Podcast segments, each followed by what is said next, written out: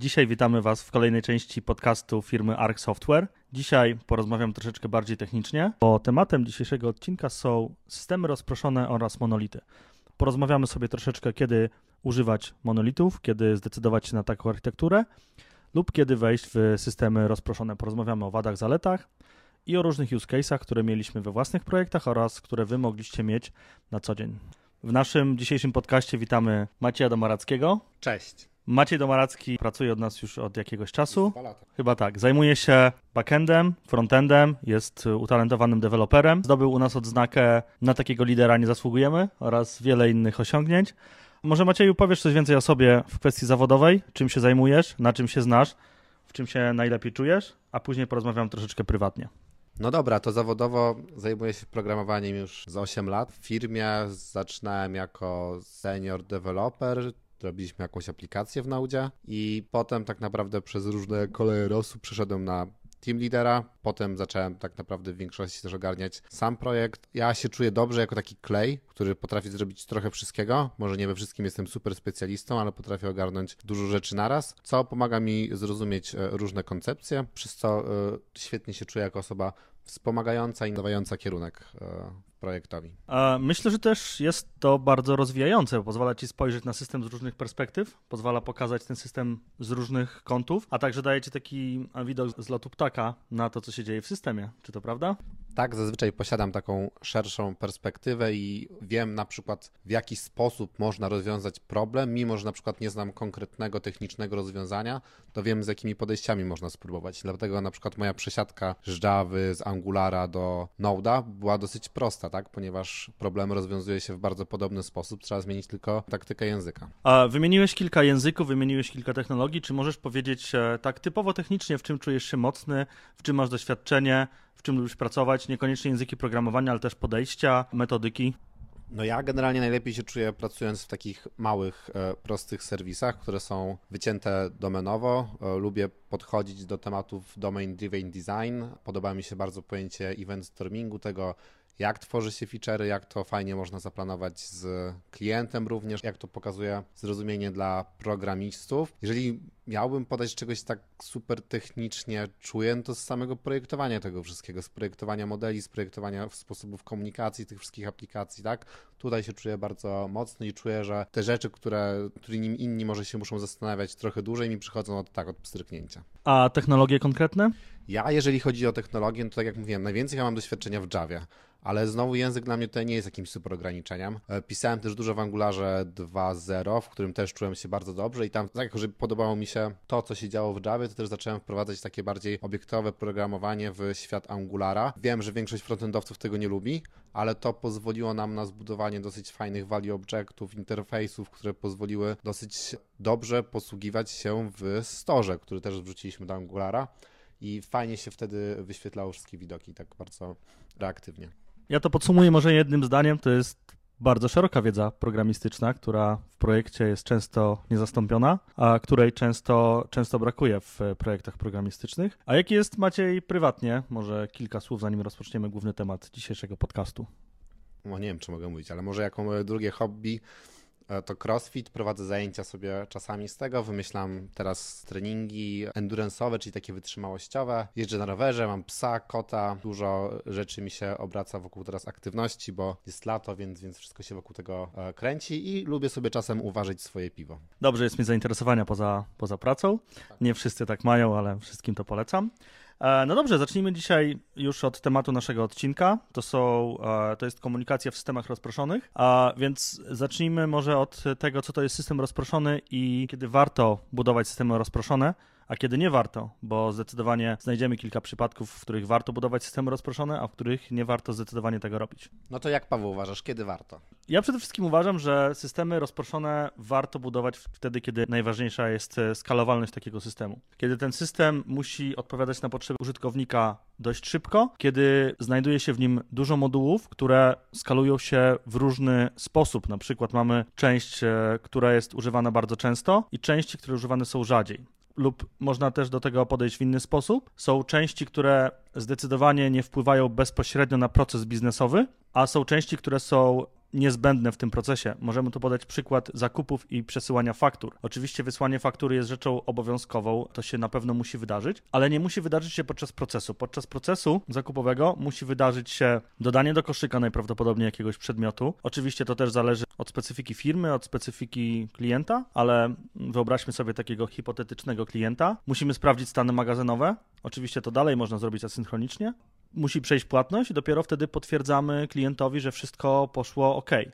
I teraz co by się stało, jeżeli system do generowania faktur by nie działał? Tak naprawdę, jeżeli klientowi wyślemy godzinę później fakturę, nic się kompletnie nie dzieje. W takim przypadku systemy rozproszone dają bardzo dużo możliwości i pozwalają w inny sposób skalować części bardzo potrzebne do procesu biznesowego, a inaczej skalować części, które są tylko tak zwanym efektem ubocznym, efektem side'owym tego procesu Kolejnym plusem jest to, że nawet jeżeli system do generowania faktur nam nie działa, dalej możemy obsłużyć pełny proces biznesowy. Co jeszcze byś tutaj wymienił z takich plusów mikroserwisów, a myślę, że zaraz możemy szybko przejść do minusów. Znaczy, ja bym jeszcze w ogóle podszedł do takiej technicznej kwestii, bo ja pracowałem w paru firmach i też pracowałem w korporacjach i pracowałem w projektach Legacy i znam bardzo wiele osób, które wchodzą w taki projekt i mówią od razu, ja bym to napisał od nowa, tak? Ale ten wolumen kodu, wolumen domeny jest tak wielki, że nie da rady tego po prostu zrobić w jakichś sensownych kosztach. A przy mikroserwisach jest tak, że koniec końców my możemy popełniać błędy na jakimś poziomie projektowania tego i wiedząc, że na przykład nowy mikroserwis, który będziemy tworzyć na poziomie zgodnie z doświadczeniami, które zebraliśmy, będzie napisany po prostu lepiej. I to jest całkiem spoko też, że my możemy się uczyć na mniejszych kawałkach kodu przez to, po czym znowu powrót do tego pierwszego kodu, który trzeba będzie poprawić, będzie łatwiejszy. Nie będzie takiej blokady przed tym, żeby napisać jeszcze raz ten mikroserwis albo przerobić go na dobrą opcję, dlatego że on będzie stosunkowo mniejszy niż takie monolity, które się tworzą. Do tego też moim zdaniem warto dodać fakt, że tak naprawdę,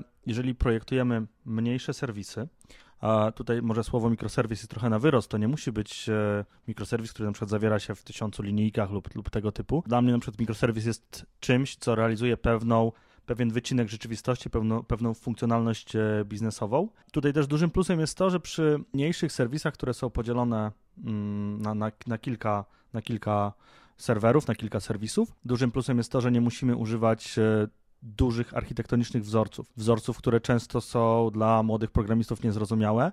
Możemy używać prostych konstrukcji, prostych rozwiązań i tutaj dużym plusem jest to, że dzięki temu zespół całościowo może być młodszy. Mówię tutaj o doświadczeniu. To nie muszą być osoby super zaawansowane, które będą tworzyć ten system, ale też dużo osób może być młodszych i może używać technik, e, które są o wiele prostsze, ale rozwiązuje ten sam problem dzięki temu, że ten system jest zamknięty w taki kawałek i ciężko jest tam w tym małym kawałku dużo zepsuć.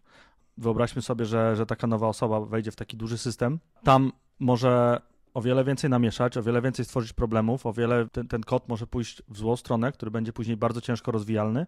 To, co Maciek powiedział, później jest bardzo łatwo wrócić, bardzo łatwo jest coś zmienić, więc to jest kolejny plus mikroserwisów. Tak, no zdecydowanie jest o wiele łatwiej coś zmienić, ale też nie zapominajmy, że architektura mikroserwisów niesie ze sobą pewne konsekwencje, tak? Dlatego, że mając jeden wielki serwis albo modularny monolit, troszeczkę łatwiej się tworzy komunikację, troszeczkę łatwiej się sięga po te wszystkie rzeczy, które się muszą zgrać. Na przykład u nas w projekcie, tak jakby, no znowu, uczyliśmy się iteracyjnie wielu różnych rzeczy, ale był problem z tym, że eventy, z którym się komunikujemy pomiędzy serwisami na kolejkach, nie były zawsze otypowane, były problemy z tym, że nie zawsze wysyłamy to, co byśmy chcieli odebrać i trzeba było dojść do tego, jak to wszystko dobrze ogarnąć. W takim projekcie cudzysłowie monolitowym, byłoby to wiele prostsze, bo wystarczyłoby dać typ w jednym miejscu, a nie w trzech czy czterech, żeby to wszystko się zgadzało. To prawda i o tej komunikacji zaraz porozmawiamy, jak ją rozwiązać, żeby było jak najlepiej, jak najłatwiej, jakie są e, różnego rodzaju sposoby komunikacji.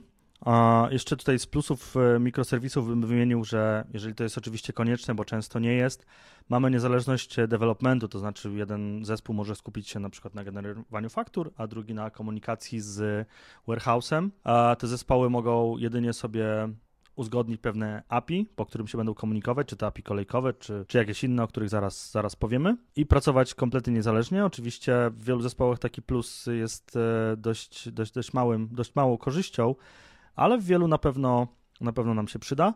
Tutaj jeszcze kolejną rzeczą, o której wspomniał Maciej, chciałem to rozwinąć, jeżeli mamy system monolityczny, jeżeli chcemy rzeczywiście go usprawnić, bo nam, nam nie działa tak jak chcemy i zdecydowaliśmy się po, po brainstormingu, po dokładnej analizie, że jednak chcemy świadomie i dobrze to projektując przejść na mikroserwisy. Mm, mikroserwisy pozwalają też w prosty sposób wydzielić pewne części i tylko kawałek procesu realizować w nowej architekturze, a dużą część dalej pozostawić przy starej. Dzięki temu nie mamy takiego momentu, w, której, w którym nagle przełączamy się z dużego monolitu na, na wiele mikroserwisów, ale możemy robić to kawałek po kawałku. No i koniec końców, co jest dosyć e, śmieszne, o wiele łatwiej jest wyciągnąć coupling z takich serwisów, tak? Ponieważ w monolicie, jeżeli zaczniemy go budować, pozakręcamy się, pozamieszamy, to potem ten coupling będzie nam bardzo ciężko rozwiązać, a tutaj mówimy o dosyć jasnej takiej fizycznej przerwie, tak? Bo jeden serwis czy mikroserwis oddziela trochę domenę drugiego, więc to jest też dosyć spore ułatwienie. I chyba wydaje mi się też, jest spoko, akurat my to u nas też e, wykorzystujemy, to to, że nad mikroserwisami konkretnymi mogą e, pracować grupy specjalistyczne, tak? Powiedzmy, że są pewne takie rzeczy domenowe, jakieś krudy, które się robi stosunkowo łatwo, tą domenę można przejąć, ale jest też wiedza typowo techniczna, specjalistyczna, typu na przykład specjaliści od połączeń wideo, czy specjaliści od połączeń telefonicznych, oni mają specjalne tak jakby swoje protokoły, w których oni są specjalistami, innym osobom bez jakiegoś dłuższego wprowadzenia, ciężko będzie w to wejść. A wydzielając serwis, dajemy sobie ich przestrzeń, gdzie oni sobie kodują tak, jak potrzebują, w takich standardach też, jakich potrzebują i takich są przyzwyczajeni, przez co im ta praca idzie łatwiej, bo oni się nie kopią z kodem, którego nie rozumieją, który jest w wielkim systemie. Tutaj jeszcze uzupełnię, mieliśmy taką sytuację też w projekcie, w którym mm, zaczęliśmy go od budowania monolitu i zauważyliśmy, że wielu deweloperów z różnych powodów bardzo zwiększało coupling naszego produktu i na końcu wyglądało to tak, że jedna główna encja, która tak naprawdę była encją korową naszej aplikacji, miała połączenie ze wszystkimi innymi encjami. Szybko to zauważyliśmy, dość szybko zaczęliśmy poprawiać ten błąd w pozostałych częściach systemu, a ta część taka niestety pozostała, będziemy ją, będziemy ją też e, zmieniać ale tak jak Maciek wspomniał, w mikroserwisach o wiele trudniej jest e, zrobić duży coupling z prostego powodu. Jeżeli mamy monolit, wystarczy, że sobie połączymy dwie encje many to many i połączenie takich encji to jest e, około dwóch minut pracy. Oczywiście musimy to później przetestować, sprawdzić, czy działa, ale, ale samo połączenie to są dwie linijki kodu many to many plus nazwa, nazwa klasy, którą chcemy połączyć i takie połączenie jest gotowe. Jeżeli chodzi o mikroserwisy natomiast, bardzo ciężko jest zrobić relację many to many. Musimy chwilę się zastanowić, jak to połączyć. Musimy się chwilę zastanowić, czy w ogóle takie połączenie fizyczne jest e, nam potrzebne. E, no więc wspomnieliśmy głównie o zaletach mikroserwisów, e, ale za chwilę przejdziemy do wad. Na pewno jeszcze w mikroserwisach o wiele łatwiej się pracuje lokalnie, o ile sobie tą pracę dobrze ułożymy, bo to jest miecz obusieczny. Z jednej strony nie możemy uruchomić całego serwisu, całego produktu lokalnie, ale z drugiej strony przy większych produktach jest to ogromny plus, bo już od samego początku pracy pracujemy w ten sposób, aby każdy mikroserwis uruchamiać osobno, pracować nad nim osobno, wydawać osobno i planować osobno, zarówno wnętrze, jak i API, które taki mikroserwis wystawia. Dzięki temu, mimo tego, że całego produktu nie uruchomimy lokalnie, to bardzo łatwo uruchamiamy jeden mikroserwis lokalnie, co bardzo przyspiesza pracę. Często testy, kompilacja dużego monolitu trwa bardzo długo. Przy mikroserwisie jest to chwila. Deweloperzy często się zniechęcają, kiedy ich testy trwają bardzo długo, a przy mikroserwisie wiele testów, nawet integracyjnych, nawet związanych z kontrolerami z bazą danych, możemy odpalić bardzo szybko. No tak, i nie, oszukujmy się też, że wolumen tych projektów, nad którymi pracujemy, to nie są raczej projekty, które jesteśmy w stanie ogarnąć cało, całościowo domenowo, tak? Czyli ci deweloperzy, którzy pracują w zespole, w zespołach, nie będą w stanie ogarnąć całej domeny, dlatego że jest po prostu jej za dużo. My tworzymy serwisy czasem, które, nie wiem, powiedzmy, że dewelopujemy je 2-3 miesiące i one będą sobie działać przez 2 lata i my ich nie musimy nawet tykać, tak? To też jest super, bo przy, one, one sobie po prostu działają, są napisane dobrze i my możemy pracować nad resztą, nie martwiąc się tym, że zmieniając coś w kodzie, zmienimy coś w tych małych serwisach, nie? Chyba, że gdzieś tam na warstwie komunikacji coś będziemy robić. No i mi się jeszcze wydaje, że koniec końców wydania takich mikroserwisów są zazwyczaj troszeczkę mniej ryzykowne niż wydania monolitu, bo ja nie myślę o tym, że ja wydaję całą potężną aplikację, która e, mi wybucha wulkanem, tylko że wydaję sobie jakąś tam małą aplikację, która odpowiada tylko za to, żeby lawa była odpowiednio gorąca, tak? Więc to nie jest nic takiego strasznego. A, to prawda, więc tutaj dużo wspominaliśmy o plusach. Jeżeli chodzi o minusy takiego, takiego rozwiązania, Największym moim zdaniem minusem jest e, ogromny narzut komunikacyjny. Uruchamiając sobie metodę lub e, funkcję z e, innej klasy, z innego miejsca, z innego pakietu, w zależności od tego, w jakim języku pracujemy, Mamy to zwykle na, tym, na tej samej maszynie, na tej samej maszynie wirtualnej, jeżeli istnieje, na tym samym procesorze, więc wywołanie takiej metody funkcji jest w 100% pewne, jest praktycznie w 100% bezpieczne, oczywiście z pewnymi wyjątkami, ale wiemy, że taka metoda się wywoła w odpowiedni sposób. Mając mikroserwisy, to wysyłając wiadomość w jakikolwiek sposób, tak jakbyśmy wywoływali inną metodę, która jest tak naprawdę zdalna. Mamy tutaj narzut komunikacyjny, narzut sieciowy. Ta wiadomość zwykle najczęściej przychodzi przez internet publiczny bądź prywatny, przez jakąś sieć, która może przez chwilę nie działać i nigdy nie możemy być pewni, że ta metoda się wywoła. Jest to, jest to bardzo duży problem. Oczywiście tutaj też możemy wspomnieć, a nawet musimy o opóźnieniach sieciowych które, które też są bardzo ważne i przy uruchomieniu na tej samej maszynie wirtualnej ta metoda uruchamia się błyskawicznie, a jeżeli robimy to przez sieć, zawsze musimy brać pod uwagę opóźnienie. Jeżeli proces nasz wymaga uruchomienia kilku serwisów, to te opóźnienia się sumują i jeżeli jeden serwis przetwarza wiadomość przez pół sekundy, jeżeli to musi przejść przez 5-6 mikroserwisów, to taki, taki czas w sumie jest 3-4 sekundy, co może być już zabójcze dla, dla klienta. A kolejną rzeczą jest też duży próg wejścia. E, nie oszukujmy się, ale mm, o wiele łatwiej jest zrobić projekt monolityczny, który po prostu uruchamiamy, piszemy sobie klasy, piszemy sobie pliki, projektujemy to i za chwilę wydajemy. Tutaj w mikroserwisach od razu musimy myśleć o komunikacji, od razu musimy myśleć o, o zależnościach pomiędzy mikroserwisami, ale też pamiętajcie, że na początku bardzo ciężko jest wyznaczyć granice takiego mikroserwisu, bardzo ciężko jest powiedzieć, gdzie ten mikroserwis się powinien zaczynać, powinien się kończyć. Na początku bardzo ciężko zdefiniować jest domenę, więc e, tutaj też Osobiście polecam zaczynać od monolitu, a dopiero później zastanawiać się nad dodaniem komunikacji, nad wydzieleniem tego na zewnątrz. No ja się tak zastanawiam, czy ten duży próg wejścia to jest do końca prawda, dlatego że popatrz, że przy takim projekcie, który obsługuje, nie wiem, załóżmy, że jest 10 zespołów, które obsługuje 30 mikroserwisów, to jeżeli jedna osoba miałaby wejść w taki monolit i się nagle ruszyć tam trochę kodu, to by nic nie ruszyła, nie? A tutaj koniec końców przez wydzielenie domeny jesteśmy w stanie dokonać tego, że programiści, którzy zaczynają, zaczynają dotykać nie dość, że mniejszy obraz, znaczy mniejszy kontekst domeny od razu, to jeszcze możesz im ustalić kontrakt na wejście i wyjście, czyli ty, tak jakby wspomagając młodszego programistę, jesteśmy w stanie powiedzieć, co ma wejść, co ma wyjść. On jest w stanie przetestować dosyć prosto, bo znowu to jest jeden mikroserwis, jedna prawdopodobnie mała domena, a nie jakiś tam e, wielki e, moloch, który bardzo często takie, no nie oszukujmy się, że te monolity są bardzo często napisane takim sporym boilerplate'em, tak? No, jest dużo abstrakcji, dużo klas. Ja, ja, pamiętam, że zawsze jak wchodziłem w projekt taki korporacyjny i zaczynałem przeglądać te wszystkie wzorce projektowe, które były wykorzystane, te wszystkie warstwy, które były nabudowane. Ok, może to i było fajne, jeżeli chodzi o takie podejście klinkodowe, o wymiany tych rzeczy i tak dalej, ale próg wejścia do e, systemu był duży. Trzeba było naprawdę dużo umieć, sporo tych wzorców znać, żeby się dowiedzieć o co chodzi, a koniec końców e, kiedyś chyba to ty mi powiedziałeś takie pytanie, że słuchajcie, jak często tak naprawdę zmieniamy bazę danych w systemie, tak? No praktycznie nigdy albo super rzadko, tak? Więc w takim podejściu, gdzie my budujemy za dużo warstw, bo nie mówię, że żadne warstwy, w sensie, że zakładam, że jakaś warstwowość musi być, ale w momencie, kiedy budujemy takiej za dużo tych poziomów abstrakcji, to czasem problem się robi bardziej skomplikowany i tak jak ostatnio u nas w projekcie ktoś miał napisać jednego ifa, ale stwierdziliśmy, że spróbujemy to zrobić wzorcem projektowym i zamiast tego jednego ifa, jednej linijki napisaliśmy cztery klasy, które też no, trochę tego nakładu dodały, nie? Szczególnie jeżeli wiemy, że za chwilę ten, ten, ta część się nie rozwinie, że ona będzie stała, i tutaj musimy też wyważyć między super wzorcami projektowymi, między fajerwerkami, a tak naprawdę tym, czy ten kod e, rzeczywiście potrzebuje tego wzorca, tak? Może rzeczywiście, jeżeli mamy jednego, dwa ify, to warto to zrobić po prostu ifami, ale jeżeli widzimy, że za chwilę to się, że, że już nam to się rozrasta i dopisujemy trzeciego, czwartego ifa, to robimy po prostu refaktor. Moim zdaniem kod, który nie jest zmieniany, czyli nie jest refaktoryzowany, to jest, e, to jest zły kod, tak? Więc chodzi o to, aby w każdym przypadku, jeżeli widzimy, że jest jakaś potrzeba, dopiero wtedy stosować wzorce projektowe, dopiero wtedy zaczynać pracę mm, nad, nad czymś poważniejszym, nad innym rozwiązaniem tego problemu. E, I tutaj to, co powiedziałeś, to dochodzimy do, do kolejnego pytania, mm, właśnie kiedy stosować monolit, a kiedy mikroserwisy.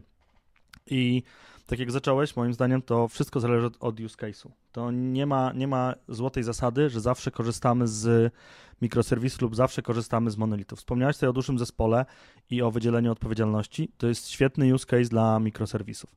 Ze wszystkim się z Tobą zgadzam, ale jeżeli na przykład zespół jest mały lub sam projekt jest samym POC, Proof of Concept, moim zdaniem wtedy kompletnie nie warto wchodzić w mikroserwisy.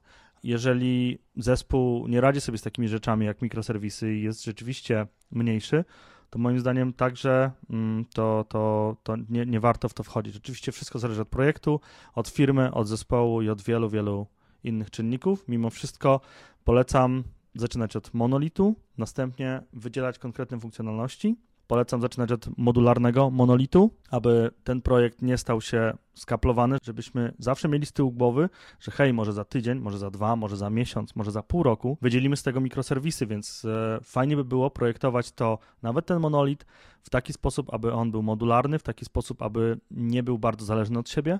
To można też osiągnąć na poziomie kodu. Jest e, wiele technik, które na to pozwalają. Dzięki temu później na przykład, jeżeli zrobimy, jeżeli mówimy na przykład o Javie, możemy zrobić moduły Mavenowe, które się między sobą komunikują przez jakieś e, warstwy abstrakcji i to nam pozwala później bardzo, bardzo szybko wydzielić taką część do mikroserwisu, bo taką warstwę abstrakcji zamiast wywołania metody zamieniamy na e, przesyłanie danych kolejkowo i już mamy to wydzielone. Oczywiście to brzmi prosto, to pewnie to, to zawiera, zabiera o wiele więcej czasu, ale nie jest to tak skomplikowane jak e, skaplowany monolit, który jest bardzo ciężko, ciężko rozkaplować. No i warto też wspomnieć, że to, to, co mówiłeś chyba na początku, nie? że mikroserwisy są fajne, jeżeli mamy dużą ilość skalowania, tak? bo nie skalujemy wtedy jednej potężnej maszyny, tylko na przykład wybieramy sobie, które mikroserwisy będzie, będą rzeczywiście potrzebne w większej ilości albo w większej mocy i możemy te konkretne serwisy wybrać.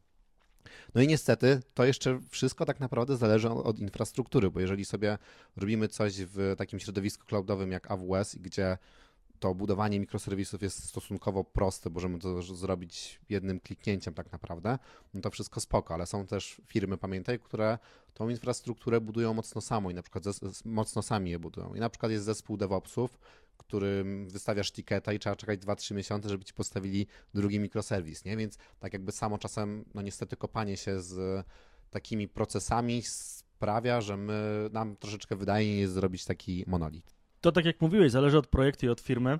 Tutaj się musimy pochwalić, że w naszym projekcie, w którym pracowaliśmy, pracujemy, rozwiązaliśmy to w całkiem ciekawy sposób, ponieważ wszystko jest zrobione w Terraformie i każdy deweloper ma dostęp do kodu Terraforma. Każdy deweloper może postawić sobie nowy mikroserwis e, w bardzo prosty sposób, zaprojektować komunikację w bardzo prosty sposób.